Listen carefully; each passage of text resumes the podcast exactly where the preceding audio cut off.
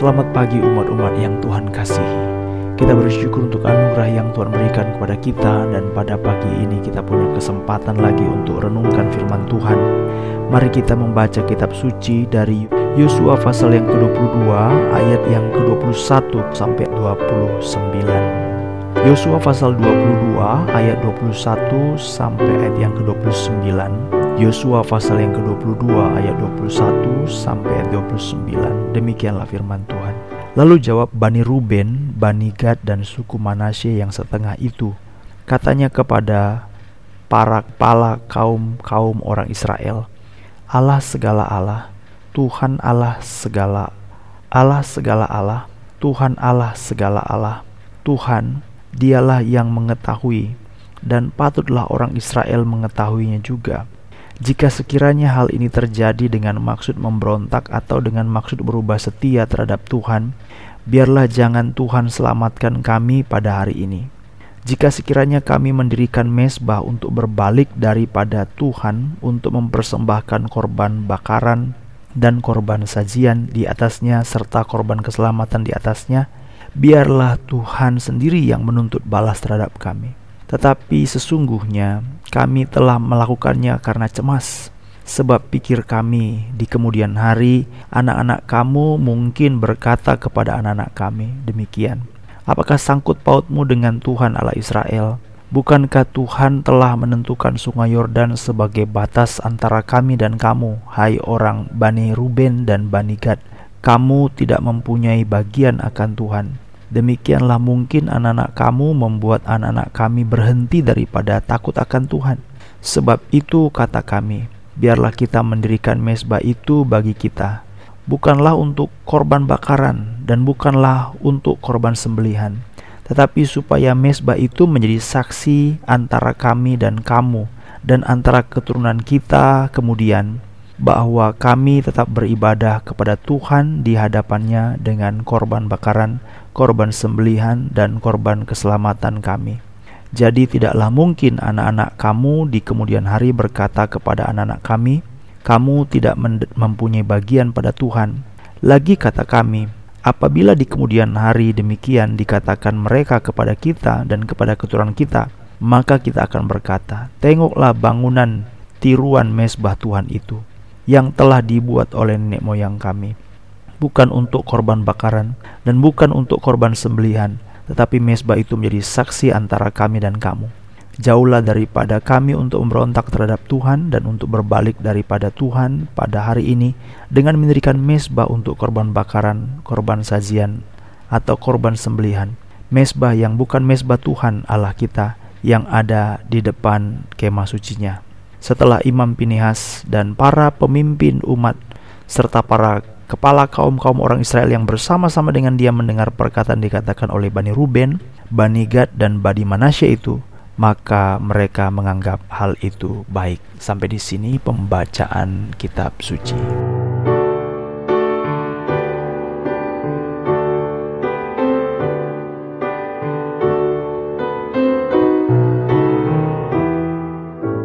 Umat-umat yang Tuhan kasihi, pada waktu kita membaca bagian ini adalah bagian peristiwa di mana dua setengah suku Israel, yaitu suku Ruben, suku Gad, dan setengah suku Manasye pulang ke daerah mereka di seberang sungai Yordan. Sedikit overview bahwa tanah kanan itu di mana orang Israel tinggal dipisah oleh sungai Yordan. Jadi kalau kita baca peta Alkitab di bagian akhir, maka kita tahu ada sungai Yordan yang membelah dari tanah Kanaan itu. Tetapi sebenarnya waktu mereka berputar di padang gurun mau masuk tanah perjanjian, mereka masuk pertama yaitu daerah yang disebut dengan sebelah timur Sungai Yordan, lalu menyeberang Sungai Yordan, lalu masuklah tanah Kanaan. Itulah yang disebut dengan daerah seberang Sungai Yordan. Jadi di sini peperangan sudah selesai atau penaklukan-penaklukan sudah selesai maka dua setengah suku itu mereka akan kembali ke tempat mereka atau ke rumah mereka atau kepada keluarga mereka. Mungkin kita bertanya, kenapa mereka harus kembali? Karena pada waktu mereka mau menduduki tanah Kanaan, dimulai dengan menaklukkan kota Yeriko, suku Ruben, suku Gad, dan suku Manasye yang setengah itu juga ikut. Mereka harus ikut. Itu bisa kita baca kisahnya. Dalam pasal yang kelima dan pasal yang keenam mereka adalah orang Israel juga yang harus membantu saudara-saudara mereka untuk berperang dan menaklukkan tanah. Walaupun mereka sudah punya tanah yang ditentukan Musa kepada suku Ruben jadi di seberang sungai Yordan. Nah jadi mereka sudah menaklukkan berbagai dan sekarang mereka pulang. Tapi ada satu peristiwa yang terjadi saudara-saudara. Mereka mendirikan mesbah. Mesbah yang menjadi polemik. Tuhan sudah berkata bahwa kamu akan memasang mesbah dan membakar korban di tempat yang telah ditentukan oleh Tuhan. Jadi pada waktu mereka sudah ada di sini, mereka itu punya tempat silo. Kitab Samuel, silo itu adalah tempat di mana Imam Eli juga dia ada di sana. Jadi silo itu tempat di mana ada kemah suci, ada kemah pertemuan, kemah suci. Jadi pada waktu mereka membangun mesbah, orang menjadi kasak kusuk. Kalau kita baca pada pasal yang ke-22, ayat yang ke-11 terdengarlah oleh orang Israel cakap-cakap orang telah didirikan mesbah oleh dua setengah suku tadi. Maka mereka mulai berkumpul di Silo untuk maju memerangi mereka. Yosua 22 ayat yang ke-12 orang Israel tahu bahwa ini bencana ini malapetaka ada beberapa sejarah yang diceritakan. Ada dua hal. Yang pertama adalah peristiwa Baal Peor, yaitu peristiwa di mana Bileam, semua orang Israel menyembah berhala dengan makan dari mesbah berhala. Peristiwa kedua adalah Akan, yang terjadi pada waktu dia mencuri barang yang dihususkan untuk Tuhan waktu menaklukkan kota Yeriko. Jadi dari dua peristiwa ini diceritakan satu orang berbuat seperti akan semua bangsa Israel dapat malapetaka. Kemudian pada waktu mereka makan dari mesbah Baal Peor, maka semua orang Israel itu mendapat tulah. Pada waktu dua setengah suku ini Ruben, Gad, dan setengah Manasye membangun mesbah, ini suatu hal yang berbahaya. Karena Tuhan berkata bahwa mereka tidak boleh membakar korban dan membangun mesbah, tetapi hanyalah beribadah di tempat yang telah ditunjuk oleh Tuhan. Di tempat yang ditentukan oleh Tuhan, ke sanalah mereka harus pergi.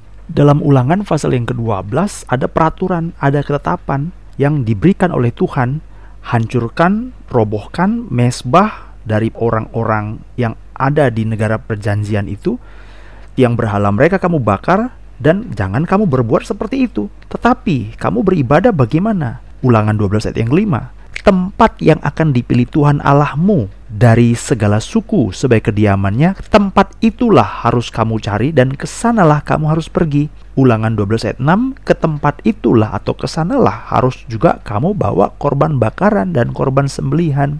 Dari sini sudah dapat kita lihat mereka ketat ke tempat mana khusus. Di situlah boleh dan mereka boleh bawa untuk persembahan kepada Tuhan maka mereka mendatangi orang-orang saudara-saudaranya itu. Bagaimana kamu berani untuk mengata membangun mesbah ini? Lalu mereka mengatakan bahwa kami tidak membangun mesbah untuk korban bakaran. Jadi ada namanya tiruan kalau kita baca Yosua pasal 22 28. Tengoklah bangunan tiruan mesbah Tuhan. Jadi mereka membuat tiruan mesbah itu bukan berarti mereka menolak tempat yang sudah ditentukan Tuhan. Bukan, mereka mengatakan tiga kali. Yang pertama dalam ayat 23 mereka katakan lagi ayat 26 lalu kembali lagi dalam ayat 28 bukan untuk korban bakaran dan bukan untuk korban sembelihan. Jadi mereka meyakinkan saudara-saudara mereka yang sembilan setengah suku itu bahwa kita membangun ini bukan untuk korban bakaran, bukan untuk korban sembelihan, bukan tetapi untuk apa? Adalah sebagai saksi, sebagai peringatan. Pasal 22 ayat ke-34. Nah, sekarang mari kita lihat kenapa mereka membangun ini, membangun menjadi saksi. Saya rasa tidak usah kita baca ayatnya secara mendetail supaya kita bisa langsung pada renungan kita. Karena jangan sampai mereka terputus ibadah kepada Tuhan. Dalam ayat 24. Bagus sekali maksudnya ya. Mereka cemas Lalu pada waktu kita menjadi orang yang dipisahkan dengan sungai Yordan, kita menjadi jauh dengan tempat bait suci, kemah suci, lalu kita disebut tidak bisa lagi beribadah. Kita terputus. Bagaimana kita tidak bisa datang lagi pada Tuhan? Lalu kita disebut tidak ada sangkut paut dengan Allah Israel. Dalam ayat 24, kita tidak ada sangkut paut dengan Tuhan Allah Israel. Bagaimana ini?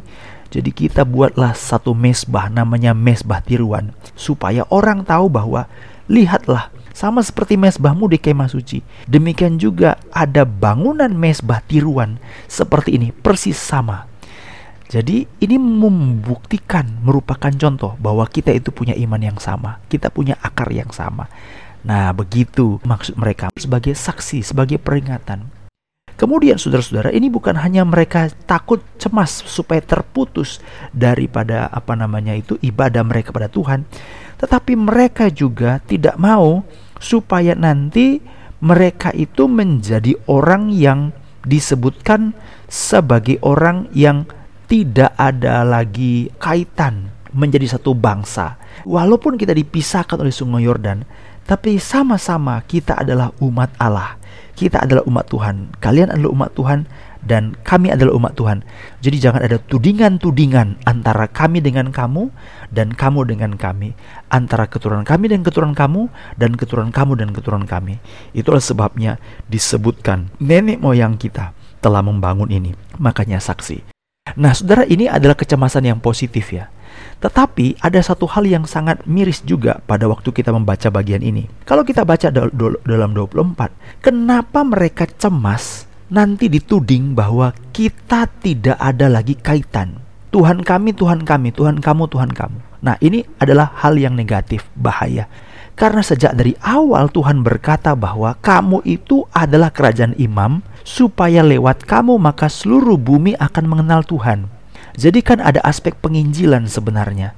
Tetapi kenapa orang Israel yang sembilan setengah suku itu dituding nanti bisa berkata Tuhan Allah itu Yahweh itu cuma Tuhan kami bukan Tuhan kamu. Nah ini kan berbahaya. Harusnya senang dong kalau semakin banyak orang menyembah kepada Allah Yahweh. Kan begitu ya. Ini adalah sesuatu hal yang terjadi sebenarnya sekarang ini. Orang Kristen merasa Tuhan Yesus itu hanya Tuhan bagi orang Kristen. Tuhan Yesus itu tidak perlu bagi orang lain. Ini kan bahaya. Jadi Yosua pasal 22, cemasan mereka itu secara negatif, tudingan yang di, dicemaskan mereka secara negatif, itu sudah jadi kenyataan. Bagi siapa? Bagi kita sekarang ini. Padahal itu adalah cara kita untuk memproklamirkan, memberitakan bahwa Yesus itu adalah Tuhan.